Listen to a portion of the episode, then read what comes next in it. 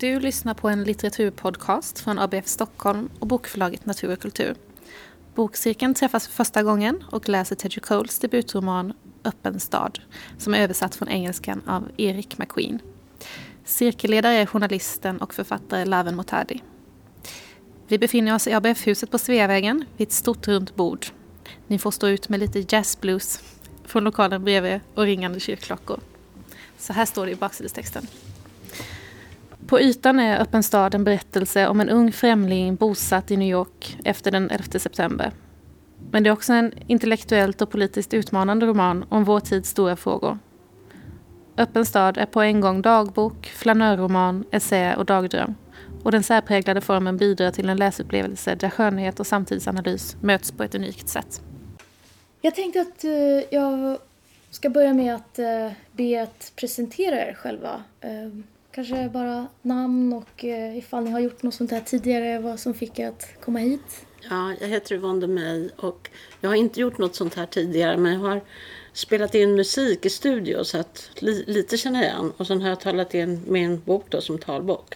Så lite har jag gjort. Hej, jag heter Torun Skoglund och eh, jag såg det här på ABFs hemsida och tyckte att det lät spännande. Det lät som en eh, spännande bok som jag gärna skulle vilja vara med diskutera kring. Mm, jag heter Kristina Thyrén. Uh, jag tycker själv att jag läser alldeles för lite skönlitteratur så jag tänkte att det här var ett bra sätt att få liksom komma igång. Så. För många, många år sedan var jag med i en bokcirkel men annars är det första gången. Jag heter Katrin Legrell och jag läste om den här boken i DN tror jag. Bara några rader och då tyckte jag att det lät jätteintressant. Jag heter Lena Gunnarsson och jag såg det här på Facebook och vart intresserad. Jag läser mycket. Jag pendlar mellan Uppsala och Skärholmen så jag läser mycket böcker och mycket tidningar. Och saknar det här att vara i grupp och träffa människor och prata böcker. Jag har bott i en mindre stad, Sundsvall, och då mötte jag på ett annat sätt människor. Men nu lever jag ett annat liv med pendling. Johanna Levalius. Jag minns inte hur jag hörde talas om den här boken och, och det som händer. Däremot har jag varit i New York väldigt många gånger genom åren så att jag har en speciell relation till staden. Sen har jag varit en gång på en studiecirkel. Men det var hemma hos någon så det var en helt annan typ av atmosfär. Nu känns det lite officiellt. Vi sitter i konferensrum och vi ska ha åsikter. Jag vet inte, det hämmar mig lite grann att tänka fritt och sådär. Får man lov att skratta här inne tänker jag? Får man lov att säga dumma saker? Så. Men jag hoppas att, vi, att det löser sig efterhand. Jag ser fram emot det här. Ebba Sjögren heter jag. Jag eh, kom hit för att Johanna tyckte att jag skulle göra det. Och eh, förutom den bevekelsegrunden så brukar jag prata om texter på det här sättet på jobbet. Jag är forskare. Men jag pratar aldrig om skönlitteratur på det här sättet. Men jag läser väldigt mycket. Så jag tyckte att det här var ett bra format att testa. Jag heter Rosmarie Edström och jag står utanför arbetskraften på grund av min ålder. Så jag använder hemskt mycket tid åt skönlitteratur. Det bara blev så. Eh, och jag, eh, och så här, jag deltar i ett antal bokcirklar. Och, den, och sen hade jag läst om, säger man Teju Cole? Eh, jag valde i och för sig bort honom när jag valde biljetter till Stockholm Literature. Men det kan man ju ändra på. Så för sen så blev jag väldigt sugen. Jag heter Hanna Johansson. Jag såg första, en printscreen av första sidan i den här boken på Helenas blogg i våras och tyckte att den var skitbra. Så då ville jag läsa resten av boken och sen lät det här kul. Jag är med i en annan bokcirkel men den är inte lika uppstyrd. Okej, vad bra. Ska vi börja med att, eh, ska vi börja med att prata om vår huvudperson? Mm. Mm. Han heter Julius.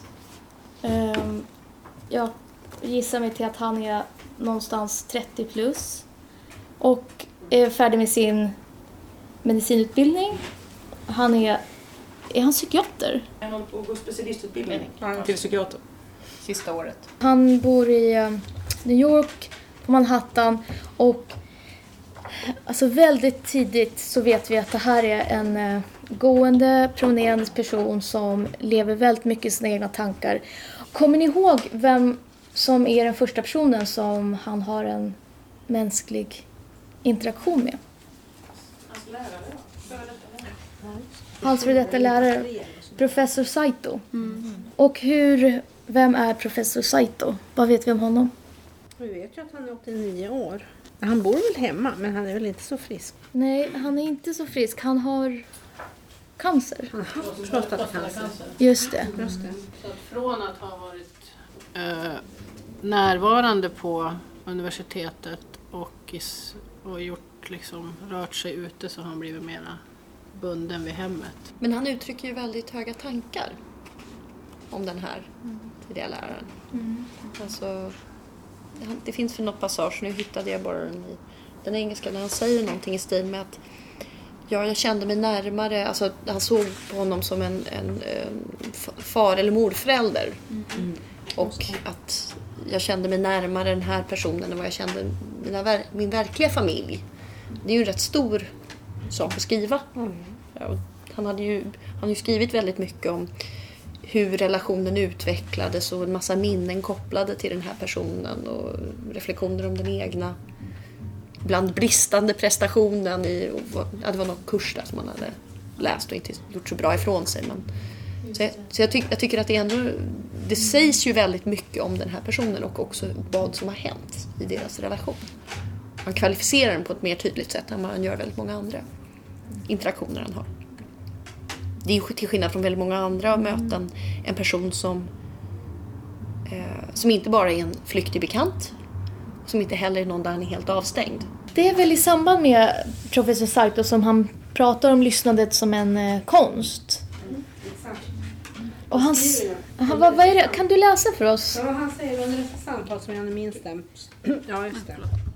Under dessa samtal som jag nu minns dem var det nästan uteslutande han som, ta, alltså Saito, som talade. Jag lärde mig konsten att lyssna av honom och förmågan att kunna urskilja en berättelse ur det som utelämnas. Det sista gillar jag väldigt. Jag med.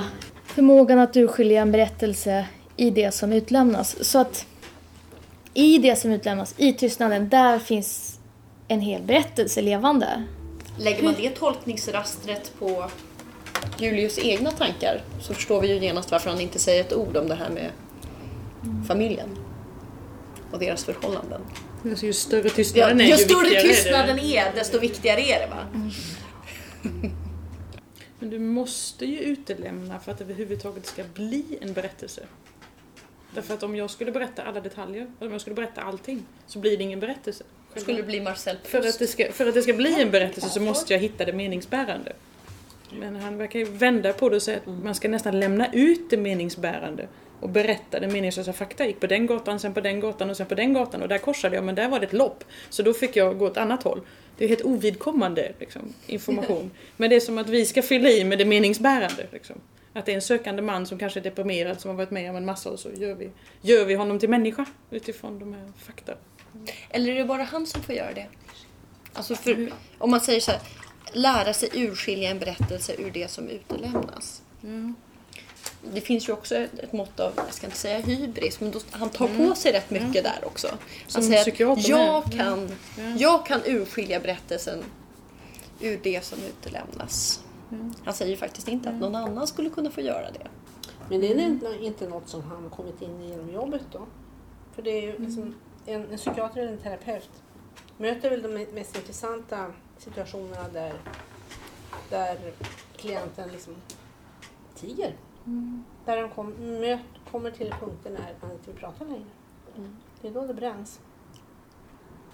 Jag funderar på det här med historiska sammanhang, om vi kan byta ämne. Vet inte, byta. Då funderar jag, liksom, jag är helsvensk uppvuxen i Sverige och jag tror jag betraktar mig som individualist, jag vet inte hur man ska säga, men i Sverige lär vi oss att vi är ahistoriska. Det är jättesvårt att förklara, men jag märkte många gånger när jag möter människor från andra länder, och framförallt i Europa, där man har en påtaglig erfarenhet av andra världskriget till exempel, så berättar man utifrån sina generationers erfarenheter och utifrån platser. Här var det slaget, här hände detta. När man går runt i Paris så kan man ju få en levande historieföreläsning. Och den historien har inte vi i Sverige. Som många andra har. Så jag undrar också, när jag läser den här så slås jag av just att jag inte betraktar mig och mitt liv som en, en produkt av liksom, världens alltså, politiska och historiska händelser. Liksom. Att han skiftar perspektiv väldigt bra, för även jag är del av det men jag upplever inte det alls lika aktivt. Det kan väl också variera mellan familjer. Alltså jag, jag tänker att Men det kan ju också bero på att jag är, en, jag är uppvuxen utomlands. Och var bara i Sverige då på somrarna. Åkte tillbaka. Och då var det liksom den här ritualen att varje gång man besökte de här platserna, och vi flyttade ju rätt ofta. Så det enda som egentligen inte förändrades över tid, det var ju att vi kom tillbaka till Sverige.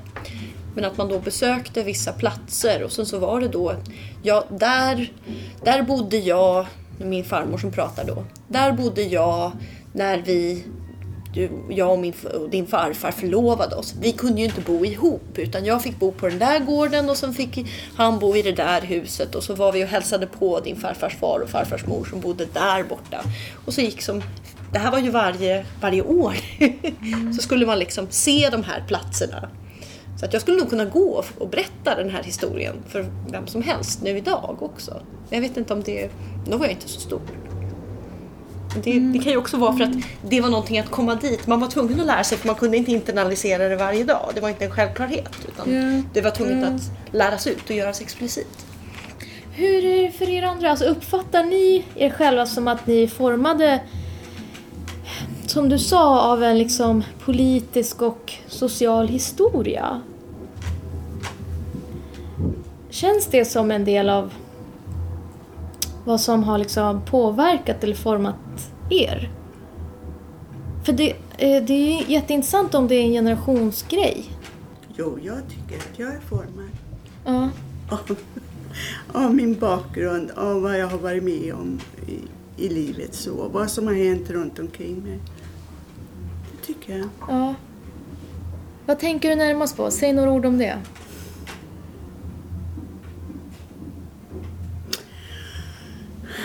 Nej, men jag är född 45. Och eh, andra världskriget var väl ganska påtagligt för mig ända fram till jag var 10-15 år. Beroende på att jag hade mycket flyktingar från andra världskriget runt omkring mig där jag bodde. Och sen kom jag ju ut i livet och då var Vietnamrörelsen väldigt stark. Och sen har det ju, eh, fortsätter det ju så med, med olika... Jag är väldigt också mycket intresserad av, av, um, av vad som händer ute i världen, och politik. Jag är nästan nyhetsnarkoman alltså. Så att jag... Mm, det är klart, det formar. Men absolut. Jag menar, jag vet bara, nu skulle jag ha fötts sju, åtta år senare, jag är född 41, då skulle jag aldrig, jag förmodligen inte bo här för då skulle jag ha läst i Umeå.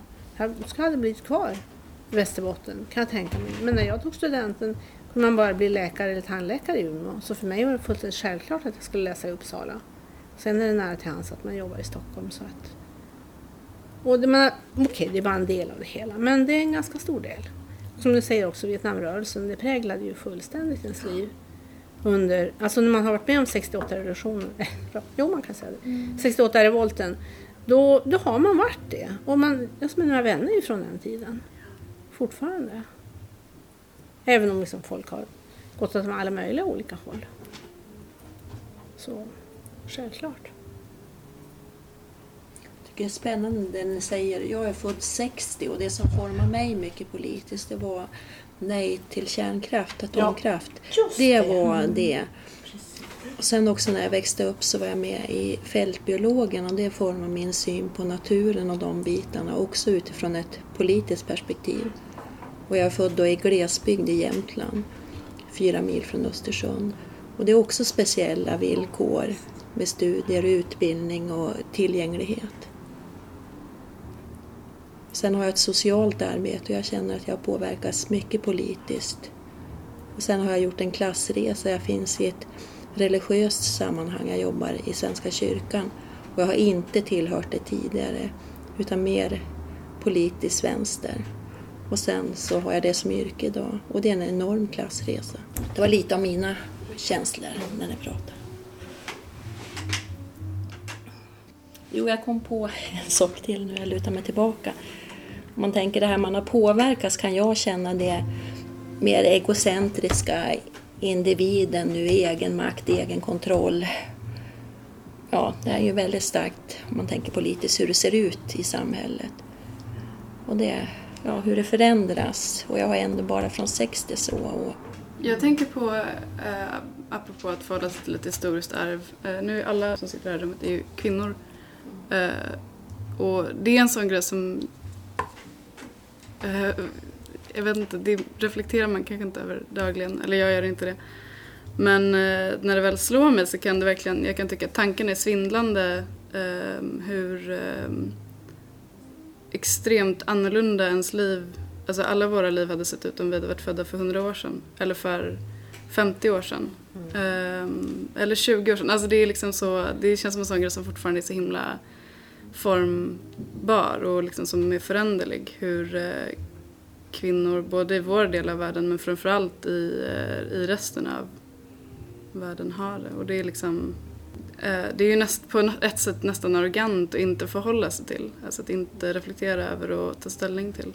Men samtidigt så um, gör man inte alltid det. Och det är, för att dra en parallell, jag får intrycket att uh, Julius har någon sorts um, alltså i, i hans fall, liksom hans eh, förhållningssätt till hans eh, etnicitet eller till hans hudfärg. Alltså att han eh, har någon sorts... Han kan reagera ganska fientligt när folk identifierar sig med honom och samtidigt eh, själv söka sig ut ibland. Det, han är liksom lite dubbeltydig där. Det är flera liksom, episoder där folk... Ja, men en taxichaufför kallar honom bror och han Eh, tycker inte om det alls. Liksom. Och sen senare så reflekterar han över det och liksom börjar förstå, eller förstå, men han tänker på, um, jag tror att det är när han går förbi, han ser Ellis Island på avstånd och uh, det finns någon sorts reflektion om att uh, den platsen där um, alla uh, liksom europeiska, framförallt invandrare, passerade till USA, den inte, han som afrikan har, delar inte den historien som invandrare till USA. Uh, och det tyckte jag var rätt intressant. Han kom liksom från ett helt annat, uh, och även som svart amerikan så han delar inte ett liksom, afroamerikanskt arv utan han är afrikan som har invandrat till USA. Så det är också någon sorts um, något som skiljer ut honom från personer som han möter som ändå uh, utgår från att de delar någonting. Mm. Samtidigt som hans mamma är tysk mm. så visst delar han den europeiska. Ja, just det. Ja. Men det pratar han inte om. Ja, det är väldigt märkligt. Mm. Jag visste ju inte han var svart. Alltså att författaren och alltså, huvudkaraktären. Och det är ganska intressant hur, hur det präglar hur man läser. Mm. Vad, man tror, liksom, vad man tror om den man läser om. När upptäckte typ... du det sen? Du visste inte så? Ja, ja det här med Brother avslöjar ju direkt. Just det. Det är en episod... Och så bor han Upper West Side fast Harlem. Så då kan man misstänka också, han bor på gränsen ja, ja. Mellan, mellan de två. Men han skriver som, om jag får uttrycka min, mina fördomar och böcker jag har läst, alltså en sån här vit medelklassman. Så han skriver som en typisk vit psykiater. Alltså att han, det är en väldigt anonym, alltså så som man ska skriva som man. Det är ett manligt sätt att skriva, det är väl så Hemingway, tänker jag. Alltså att känsloneutralt och liksom mer betraktande på avstånd, distanserat. Så han, han skriver väldigt västerländskt, det är inte ett afrikanskt sätt att skriva. Så det är ganska intressant det också. Han, han vet nog inte var han hör hemma eller var han vill höra hemma liksom, i sin kosmopolitiska liksom, bakgrund. Vad är det som känns västerländskt? Kan vi prata om det lite? Hur, är det referenser? Är det tonen? Är ett visst typ av, en viss typ av betraktelse som återkommer hos honom? Eller hur, hur, hur tänker du kring, kanske både författaren och de, ibland så glider de ju samman, det är svårt att ja. säga vad, ja. vem vi pratar ja. om. Men vad, vad tänkte du på när du tänkte liksom på, han, på den här rösten? Att det är svalt, intellektuellt och enorm distans till andra människor. Det tror jag är mest. Ja. Så det är frikopplat från kroppen, frikopplat från känslor och frikopplat från relaterandet. Att det är bara ens egna tankar. Och att en hel del av de mm. kulturreferenser som han drar mm. med, alltså jag är inte säker på att... Alltså beroende på var man kommer i världen så finns det alltid klassiker. Alltså mm. filosofiska klassiker, mus, alltså musikaliska klassiker. Och flertalet av dem som han drar på är ju västerländska. Jag är inte säker på att någon som har eh, vuxit upp i en, något land med en väldigt lång kulturtradition skulle dra på Mahler liksom, i första hand när de börjar säga oj, och det minns jag liksom. Så, att det är den kopplingen man skulle göra. Eh, utan då... Man skulle dra på något annat, helt enkelt. Och också när han refererar, det gör han ganska tidigt eh, på sidan 34, så refererar han till ehm, en uh, Yoruba-gud. Men även då är det på något sätt, alltså, det är nästan som att han betraktar det ehm, mer eh, på ett större avstånd än han lyssnar på Mahler känner jag. Det är som att han själv kanske internaliserar någon sorts exotisk blick på liksom, den här intressant, alltså han, han är lite så här fascinerad som om han inte själv tillhör den kulturen. Uppfattar jag det som. Eh, Jag blev väldigt men- förvånad ja. där när han nämnde Yoruba. Då blev det så här, Mm. Va? Ja. Medan Mahler kändes självklart att han nämnde Och sen är, ja, sen är han ju som sagt alltså, halvtysk och han får frågan om vilket som är hans... eh, En belgisk kvinna frågar vilket... Hon utgår från att engelska inte är hans första språk och frågar vilket som är hans första språk. Eh, Och då tänker han att... eller Man får veta att hans första språk är engelska och hans andra språk är tyska. Men han säger inte det till henne utan han säger att hans första språk är eh, ett eh, språk som man talar i Nigeria, kommer inte ihåg vilket. Men eh, han ljuger liksom för henne och säger att han, in, att han inte talar engelska och tyska i första hand. Och det tycker jag är lite intressant att han... jag, och jag vet, man kan ju spekulera i varför liksom. Men eh, han har någon sorts här... Lite, kanske lite, ja, men lite distanserad, distanserat förhållningssätt till Nigeria som land ibland. Jag tror att jag tänkte att det var att det här språket och hans betraktande förhållningssätt att det är eh, kopplat till eh, migration. Alltså att han befinner sig inte i... Eh, han är inte fisken i vattnet liksom. Som, utan han är... Det är det som lite grann påverkar hur han... Alltså språket. Så jag, tror att jag, jag tror att jag uppfattar det så att han, han är liksom inte riktigt hemma där han befinner sig och därför så är det det här lite ja, distanserade på något sätt. Det kanske finns andra sätt att för, ut, förklara det på men jag, jag, jag tänker att det är, så jag har, det är så jag uppfattar tonen i, i boken. Ja, det finns ju också en till episod. Alltså där det handlar om eh, att han blir konfronterad på ett väldigt direkt sätt med eh, sin hudfärg. Och det är när han åker tunnelbana om ni minns. Alltså han har varit, tror jag, hos professor Saito och han har tittat på eh, maraton som går förbi och då så går han ner i tunnelbanan. Och om jag inte minns fel så är det på perrongen som två barn kommer fram till honom. Deras föräldrar står lite längre bort. Och de börjar göra olika typer av tecken med fingrarna som ska eh, anspela på liksom amerik- svarta amerikanska gäng. Och de börjar fråga honom eh, saker som är liksom direkt kopplat till det. Kommer ni ihåg den eh, episoden? Och, och jag minns inte hur han hanterar den, men vill någon läsa det? Vid den nästan folktomma tunnelbanestationen väntade en uppenbart utsocknes familj på tåget. En flicka i 13-årsåldern satte sig bredvid mig på bänken. Hennes tioåriga bror gjorde likadant. Eh, de var utom hörhåll för sina föräldrar som eh, så när som på några, någon enstaka blick mot oss var inbegripna i ett eget samtal. Tjena, hörru, sa hon. Vad händer mannen? Hon gjorde tecken med fingrarna och började skratta ihop med sin bror. Pojken hade en imitation av en kinesisk bondhatt på huvudet. De hade härmat sneda ögon och överdrivna bugningar innan de kom bort till mig. Båda vände sig genast mot mig nu. Hörru, är du en gangster? Är du en gangster? De gjorde båda gängtecken och deras, uppfatt eller deras uppfattning om hur gängtecken såg ut. Jag tittade på dem. Det var midnatt och jag hade ingen lust att ge offentliga föreläsningar. Han är svart, sa flickan, men han är inte klädd som en gangster. Jag tror att han är en gangster, sa hennes bror. Det tror jag. Hörru, är du en gangster? De fortsatte att trixa med fingrarna mot mig i flera minuter. 20 meter bort talade föräldrarna med varandra, ovetande om vad som pågick. Jag tycker det är så underbart. Förlåt, jag måste bara säga. Uppenbart utsocknes. I New York! Vad är man, hur ser man ut då? Ja, vad, exakt. I en sån stad som New York. Men jag tror att det är New Yorkers som ser Ja, jag, man- jag, jag vet, de inte är jag, jag har bott i. Chicago. Man kan alltid se vem som inte... Det är de som går, tittar åt andra hållet när det är enkelriktat. Liksom.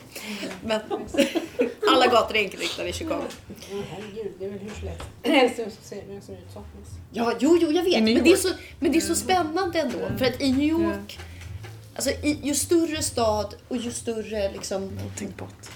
Alltså när blir man New Yorker? Det, det är ju så, det är en sån väldigt stor genomströmning av folk. Och från alla möjliga olika håll. Och att då säga att någon som har uppenbart utsocknes. Jag håller med. Det, det går alltid att identifiera. Givet att man själv känner sig som stockholmare eller som Chicagobo eller vad det nu än är för någonting. Det här är min plats. Ja, det går ju till och med att se i en stad som Stockholm. När man åker tunnelbana. Alltså när jag läste det, då tänkte jag, alltså min första tanke var så här, det här måste ha hänt honom för att det är så extremt banalt. Alltså, den här, när man återber- alltså när rasismen, rasistiska incidenter återberättas, de är så banala så att det låter ju som att någon har hittat på det här. De här barnen som gör liksom de har någon imitation av en kinesisk katt och de gör bugningar som de tror är då på något sätt kinesiska människor gör. Och sen då också den här det här närmandet som de gör mot honom. Det är ju så det är så okreativt. Så att det, så att det på något sätt blir på riktigt. Förstår ni hur jag menar? Det var min, det var min första tanke. Att sådana här incidenter, så fort de ska förklaras så är de bara så... Så att man tror nästan inte att det kan ha varit så platt. Det är någonting man kan göra i kraft av att man vet att man har dominans. Ja, exakt. Det tycker jag också är så Och det är inte så att det där inte har hänt. Det där händer hela tiden, varje dag. Ja precis, för det är som att de vet att han, de räknar liksom med att han inte kommer eh, bli sur eller liksom han kommer inte Ja, alltså de, Han, de äger ju honom. han liksom. får inte sticka upp. Nej, Det bara är precis. så. Ja, och han förlo- det är lite så här, han, i den här situationen, han förlorar ju hur han än gör. För att om han svarar så, och hur han än svarar så förhåller han sig till, till de här liksom, barnen. Men det är hur har det med makt att göra? hur det har med makt att göra? Ja, men att de tar sig det utrymmet, alltså, tycker jag. Eller vad, Men, vad... men om de inte känner en enda svart person, om Ja. man utgår från att de här barnen är vita, och de bara har sett svarta personer på TV, och när det är svarta personer på TV så är det gangsters. Mm. Så ser de en svart person så undrar de om han är gangster. Men uppfattar du... Precis du, som om jag ser filmer och jag ser liksom indianer liksom, så tror jag att indianer går ut och beter sig på ett visst sätt. Det betyder inte att jag är rasistisk. men När jag är i Japan så undrar de ju om jag beter mig på ett visst sätt bara för att jag är svensk, för de har ju hört att svenskar beter sig så här. Men uppfattar du den här scenen som oskyldig, som att de bara är genuint, att de är nyfikna? Ja, precis. De ja. vill äntligen träffa en gangster, för det är ju jättecoolt för det har de sett på TV. Ja, så läste jag inte alls. Så, så tänker jag. Det är en helt precis som en sån naiv fråga. Men för honom är det jobbigt om han möts av det här. Nu pratar vi om barnens avsikter. Det kan man ju diskutera. Nej, det vet man ingenting om. Ja, det precis. Det är det vi diskuterar. Det, det är ju jätteintressant. Alltså, det kommer fram olika perspektiv på vad kan de här barnen, vad är det som, vad, vad tänker de? Vad, vad gör de? Så avsikten är en sak. Vad händer i Julius i det här mötet med barnen? Ja, det är ju inte oskyldigt för honom. Nej. Nej, för honom är det här inte en oskyldig händelse. Alltså han, du var ju inne på att han kände Han verkar väldigt... bli provocerad och känner sig Ja. kränkt och så blir han Ja, uppgiven. det är så, ja, den här uppgivenheten. tror jag. Ja, att, Ja, det, jag kan inte ställa mig här och föreläsa. Underförstått, jag skulle verkligen göra det här. För det här är inte okej. liksom. Ja, precis. Om jag Ja. orkade. Om Men- jag orkade ja. så skulle jag göra något åt det här. För det här är, liksom, det här är bortom allt vad, jag, vad man borde behöva stå ut med. Och det här, här borde jag göra en insats för mänskligheten ungefär. Att de här barnen ska utbildas. men han är ju fördömande mot många människor. Liksom, så det här är bara en i mängden av alla han är fördömande mot. Tänk- Men det här, ty- jag tänker att det här, eh, just, eh, det blir liksom lite, jag tycker det som att det här blir kanske extra personligt för honom, just det här för att hans första reaktion, först är det någon sorts uppgivenhet, sen så är det bara en plötslig eh, insikt om att han borde försöka träffa sin släkting som han inte har träffat på jättelänge. Alltså att han får någon sorts, eh, han liksom verkar vilja komma tillbaka till någonting eller till någon sorts, det är någon sorts trygghetslängtan som uppstår i det här helt eh, slumpmässiga Han kanske känner sig alienerad av Ja. vad de gör, att de gör honom till något främmande. Precis. Ja, tillbaka till det här att urskilja en berättelse ur det som utelämnas. Så eftersom att han skriver väldigt lite om vad som hände i honom efter det här så var det här uppenbarligen en väldigt stor sak. Han, det står ju så, alltså han, väl, han funderar på att gå hem, men då kommer ett norrgående tåg. Precis då upplevde jag ett ögonblicks klarsyn, en känsla som sa att min Oma borde träffa mig igen. Det kommer liksom direkt på där. Och om vi ska tro honom så är det här med hans familj och hans Oma ju någonting väldigt starkt för honom. Så att det måste ju... Ja, Ja, kanske, det- där, ja, kanske där blir han inte felläst. Mm. Liksom, hon förstår honom.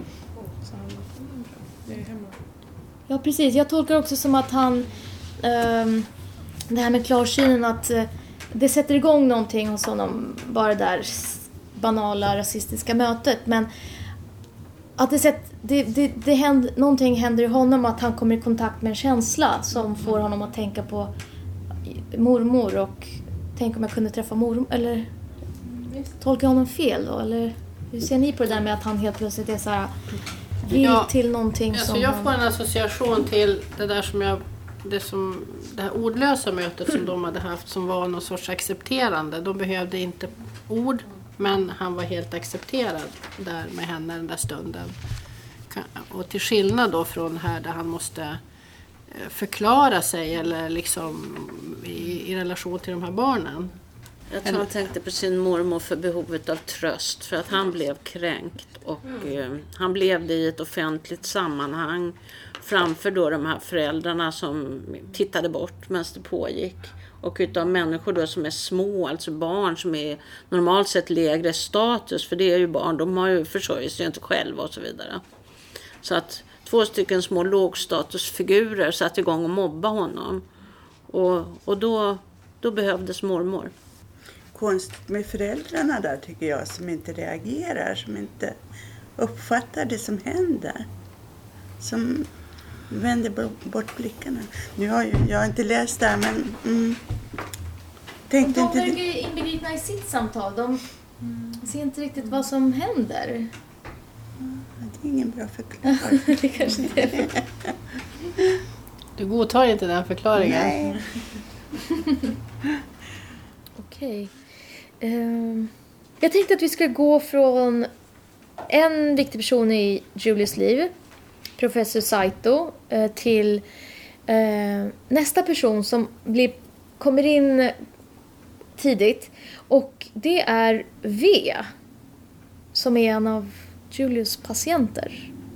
Har ni några tankar kring V? Liksom, vad spelar hon för roll i Julius liv? Han förklarar ju ganska liksom ingående vad hon har gjort. Hennes olika projekt, hennes, en bredare studie av mötet mellan indianstammar i nordöst, framförallt Delaware-folket och irokeserna och europeiska nybyggare under 1600-talet. Vs depression hör, härrörde delvis ur den känslomässiga påfrestning som hennes forskning innebar. Han gör liksom åter den här kopplingen mellan Alltså en otroligt stor historisk händelse och den här forskarens väldigt privata känslor. Jag tycker han verkar gå igång. Han är väldigt intresserad av hennes utanförskap eller hur hon upplever det här. Du pekade precis på den här meningen. Nu pekade jag precis på Johanna. Ehm, som handlar om det här att hon uttrycker det som att hur ska jag kunna leva i, en, i ett land som har gjort de här sakerna. Så hon, hon känner det väldigt personligt. Det, här, det är inte historia för henne, det är samtid. Och det tycker jag är rätt intressant för det verkar ju väl ändå vara den kopplingen han försöker göra till de här historiska, de är inte historiska händelser eller historiska känslor utan de är samtida. Och då undrar jag, är det så, nu drar jag på lite växlar här, men är det så att han speglar sig i henne också? För att vi har ju pratat lite grann tidigare om att han är ju lite grann i den här utanför positionen hela tiden. Och det är nästan som att han doppar fingret i en massa andra människors historiska trauman för att närma sig något som, som han kanske känner som sitt eget. Alltså varför annars är han så intresserad på Mm, samma så- sätt? Jag tänkte också på det här hur, om han speglar sig. Att hon, hon, eh, hon, det som du sa det är svårt att bo i ett land som har utplånat ens förflutna, säger hon. Eh, Och hon är ju då född i USA och är samtidigt, och är liksom jätteamerikansk i en bemärkelse men ändå inte. För att hennes eh, folk har blivit utplånat en gång i tiden. Medan han är på något sätt i färd med att utplåna sitt eget förflutna eller sitt ursprung genom att eh, leva ensam i ett land som han inte är född i och inte har någon direkt anknytning till. Varför har han den här öppenheten hela tiden för andra människors berättelser eller man måste nästan säga trauman? Alltså varför är det så? Det bara går in i honom på något sätt. Kan ni liksom relatera till det? En människa som själv är traumaskadad, hon har väldigt lätt för att ta in andras traumata och vara lyhörd för det och identifiera sig med det. Och man säger ju ofta så här att människor som har problem söker sig till människor med problem för att lösa problem och då löser de ju den andras problem, inte sina egna. De egna blir ju fortfarande orörda. Så att det kanske är någonting sånt som spökar i boken. Alltså jag kommer att tänka på, när du sa det där så kommer jag att tänka på eh, den här eh, doktorn som han träffar på flyget till Bryssel. Eh, som han pratar med och som han senare äter middag med och hon berättar väldigt många så här, väldigt färgstarka anekdoter från sitt liv. Och sen på bara någon, eh, två, liksom två korta meningar så berättar hon att eh, hennes eh, son, hennes äldsta son, eh, dog i eh, levercancer. Och hon, han, det är bara en, finns ett, en replik som är eh, det, det är omöjligt att se sin son dö. Och det är, liksom, det, och det är en sån fruktansvärd mening tycker jag. Och det är liksom det enda eh, det är det enda som sägs om det. Han vill senare fråga henne om den här upplevelsen men kan inte riktigt förmå sig till det. Men de har ändå liksom någon sorts relation där de liksom pratar mycket om andra saker. Jag tänker att hon är lite... Eh, de är lite lika varandra på något sätt för att eh, hon har väldigt... Alltså hon är också en sån person som vänder sig utåt i världen på något sätt och som, prat, liksom, som uppenbarligen är väldigt social och som är nyfiken på honom och som framställer sig själv för honom och pratar med honom. Men den här liksom, upplevelsen som måste varit helt fruktansvärd eh, är det ingen av dem som riktigt går in på. För han, jag vet inte, han flyr kanske lite från, sina, från konflikter i sitt liv. Han vet att han inte har kontakt med sin mamma men han har inte några planer på att lösa det. Ja, den här meningen om sonens död. Jag kommer inte ihåg det, men nu när du säger det, det får mig att tänka på, alltså ofta i socialt umgänge när någon berättar mm. om något sånt så, kan det ju, så är det oftast bara i form av en mening. Mm. Som en del i någonting som man vill berätta om men inte egentligen själva huvudsaken. Nej, så döden bara liksom flikas in och sen så går man ut ur det ganska snabbt igen. Mm. Också just det här i sociala sammanhanget, det, blir någon sorts, det finns ju någon sorts påbud som är kanske att man eh, folk som berättar om sådana så fruktansvärda traumatiska händelser gör det lite i förbigående eller med någon sorts ganska tydlig signal om att eh, nu går vi vidare, liksom, nu pratar vi om det här istället. Jag får intrycket ibland att, man, att många gör det av någon sorts eh, hänsyn till den man pratar med. För att inte försätta någon i en, en jobbig situation där någon inte ska veta vad den ska svara. Eh, jag tror inte att det handlar om hänsyn utan jag tror att det handlar om att det är ett väldigt starkt tabu. Och det här tabuet är ju, en förälder ska inte överleva sina barn. Och för en förälder så är det största misslyckandet att ett barn dör. Barnen ska växa upp och det ska gå bra för dem. De ska inte dö. Och det, vi är ju uppvuxna här i väst och har ju haft tidigare då, en bra sjukvård. Och hälsovård framförallt, barnhälsovård, det kom ju efter kriget. Så att vi, vi har ju blivit bortskämda på så sätt att eh, det, det, är inte så många barn som har dött för oss. Men andra platser i världen, där dör barn hela tiden. Och eh, till exempel Palestina. Det är ju massor med mammor där som har sett sina barn dö det är ju inte en personlig grej utan det där är ju också en sak som är allmän och politisk. Det här med dödsfall i familjen. till döden. Och... Mm. Mm. Jag håller med dig, Hanna. Att det känns ju som att det här är någonting som... Visst, nu pratar vi om i det specifika fallet att det var ett, ett barns dödsfall. Och då är det ju tabubelagt som du är inne på. Men det är väl någonting mer allmängiltigt också just kring det här att man inte hur ska vi göra det här? Om man överhuvudtaget ska ta upp någonting. Alltså det är viktigt, men det är jag kanske inte vill prata om det eller jag vet inte vad den här andra personen kommer att säga om det. Det, det, är, väl, det är väl inte så man tar upp någonting i en förtrolig relation. Så litar man på den personen som man säger det här till, då kanske inte blir inflikat i en mening som i förbegående. För då kan man nog vara mer säker på vad kommer den här andra personen göra av det här. Är det inte på något sätt det man gör med människor som man är lite halvdistanserad till? Så vi pratar om någonting, jag tror nog att det här, behö- det här är viktigt för samtalet men jag litar inte riktigt på vad som kommer hända oss emellan om jag öppnar upp det. Utan vi, jag, jag tänker att det beror, beror nog väldigt mycket på vilken relation man är i. Eller vem man pratar med. För om det är någon som är väldigt långt bort, då kommer man ju inte ens nämna det. Hur är läget? Jo, oh, det här är bra. Ja, men kollegan, jaha, men vad hände i helgen? Ja, men min mormor dog. Och det var jobbigt och sen så gjorde jag någonting annat. Mm. Men om man träffar bästa kompisen, ja men mormor dog. Paus. Det säger ju någonting om vem det är han pratar med och vad de har för närhet. Det är inte så nära. Eller? Så sitter de ju på ett flyg i all rättvisa. Ja, ja, ja, de sitter i ett flyg. Jag tror, men jag, jag, ja, jag tror hon skulle gå sönder om hon gick in i det. För det är det hon säger indirekt. Fråga mig inte om det här för jag kommer gå sönder. Det här är ingenting som är möjligt att prata om.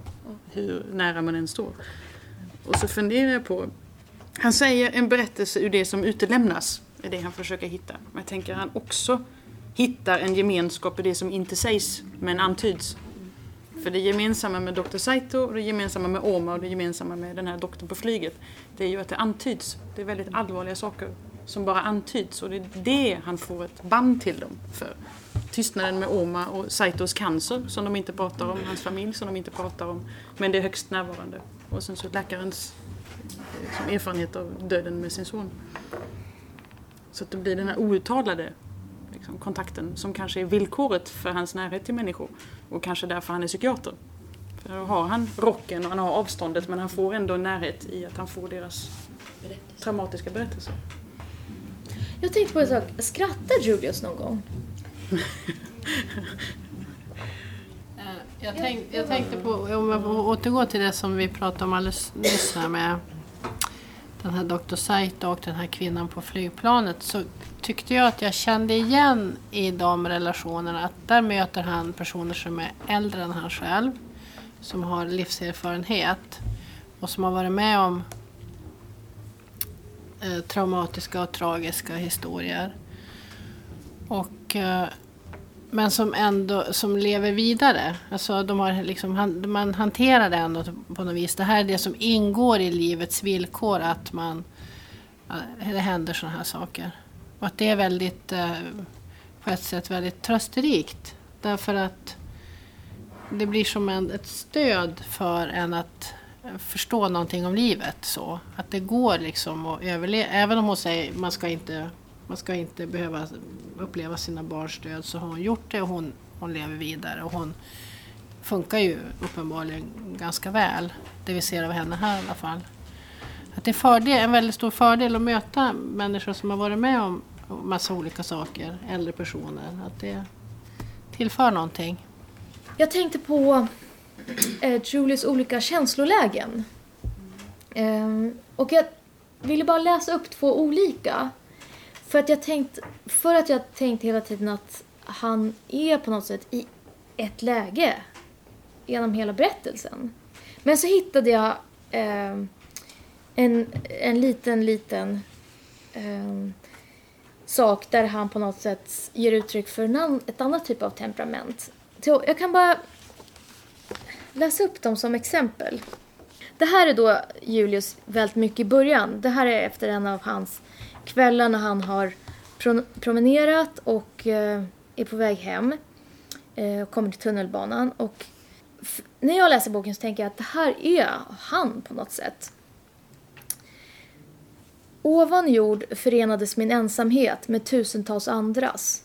Men i tunnelbanan, där jag stod tätt intill främlingar som jag trängdes med och blev trängd av i kampen om utrymme och luft, medan vi allesammans återupplevde bortglömda trauman, förstärktes ensamheten. Alltså bara en sån, bara en sån liksom reflektion när han är på, på väg ner i tunnelbanan. Där uppe är han på något sätt, där förenades han i ensamheten med alla andra i storstaden och där nere i tunnelbanan så känner han sig ännu mer ensam. Och det här också, medan vi allesammans återupplevde bortglömda trauman. Men då tänkte jag bara, det här, det här är en annan Julius. Eh, och någonstans tycker jag att det här, har, här har han lite humor. Då säger han så här, han har alltså gått på bio, eller han ska gå på bio och han ska se, ni kanske kommer ihåg den här filmen The Last King of Scotland? Som handlar om Idi Amin som är en spelfilm och den kom väl för kanske fem sex år sedan. Han ska gå på den. Han säger så här, en annan film jag hade sett året innan om brott begångna av stora läkemedelsföretag i Östafrika hade gjort mig frustrerad. Inte på grund av dess handling, som var trovärdig, utan med anledning av filmens anpassning till konventionen om den gode vite mannen i Afrika. Afrika låg ständigt i väntan, ett substrat för den vite mannens vilja, en fond för hans aktiviteter. Så inför upplevelsen av den här filmen, The Last King of Scotland, satt jag beredd att bli arg på nytt. Jag var inställd på att få se en vit man, en nolla i sitt hemland, som i vanlig ordning får för sig att Afrikas frälsning vilar i hans händer. Det är en ganska um, ordinär kritik av um, Afrika och kolonialismen. Men det som jag fastnade för var jag satt beredd att bli arg på nytt. Jag var inställd på att få se en vit man, en nolla i sitt hemland. Och jag skrattade när jag läste det. För jag tänkte att Julius har här lite... Han vaknar till lite grann.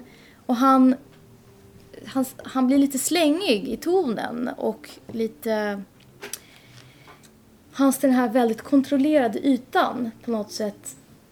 Det är någonting annat som bryter igenom. Han är ju en väldigt samlad person. Jag tycker inte att det ändrar grundtonen i boken. Alltså det är inte så att, alltså där är det mer ilska, lite ironi, lite mer udd så. Eh, man skulle också kunna tolka det här, där, stod vi alla, där alla står och delar sina, sina gamla trauman liksom, i tunnelbanan. Alltså man skulle kunna läsa det lite mer spetsigt också. Där står vi alla traum traumatiserade, packade som sillar. Men jag, jag tycker, det, det, är ju fortfarande en... Han är ju inte en glad människa liksom. Nej. Det är inte så att han, han skrattar på ah, nolla egen... Alltså jag läser inte som att det är... Han försöker inte vara rolig, han försöker vara så här... Eh! så mer. Jag, kanske... jag tycker att det är väldigt ironiskt. Mm. Väldigt, väldigt mm. ironiskt. Och distanserat egentligen också. Ja, sarkastiskt. Ja, alltså ironi, sarkasm ja, ja, skulle jag säga. Det är inte det här ironi, ja. vet, som man sen kan skratta lite grann mot. Utan det är, mer, det är lite för mycket sanning i det där för att det ska vara riktigt bekvämt. Men det är mer udd, alltså han är ju taggig här. Mm. Så det är ett annat känsloläge. Men där jag verkligen upplever ett annat känsloläge. Enda gången tror jag, det är när han pratar om fåglarna. Mm. Det är ju första gången det finns någon slags förväntan. Det mm. finns någonting som är vackert och som han tar mm. till sig och som han upplever.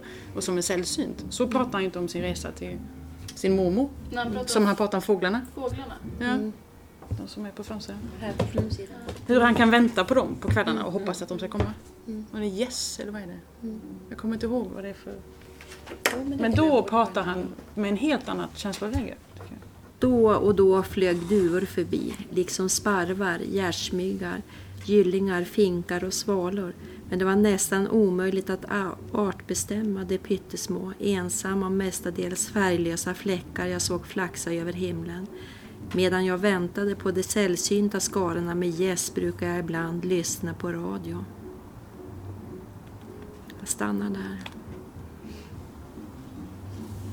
Vi kanske ska stanna där för idag. Eh, vad bra. Okej. Okay. Vad kul. Tack för idag. Tack, tack. Terry Cole, född och uppvuxen i Nigeria, är författare, fotograf och konsthistoriker. Öppen stad blev en enorm kritikerframgång i USA och Storbritannien.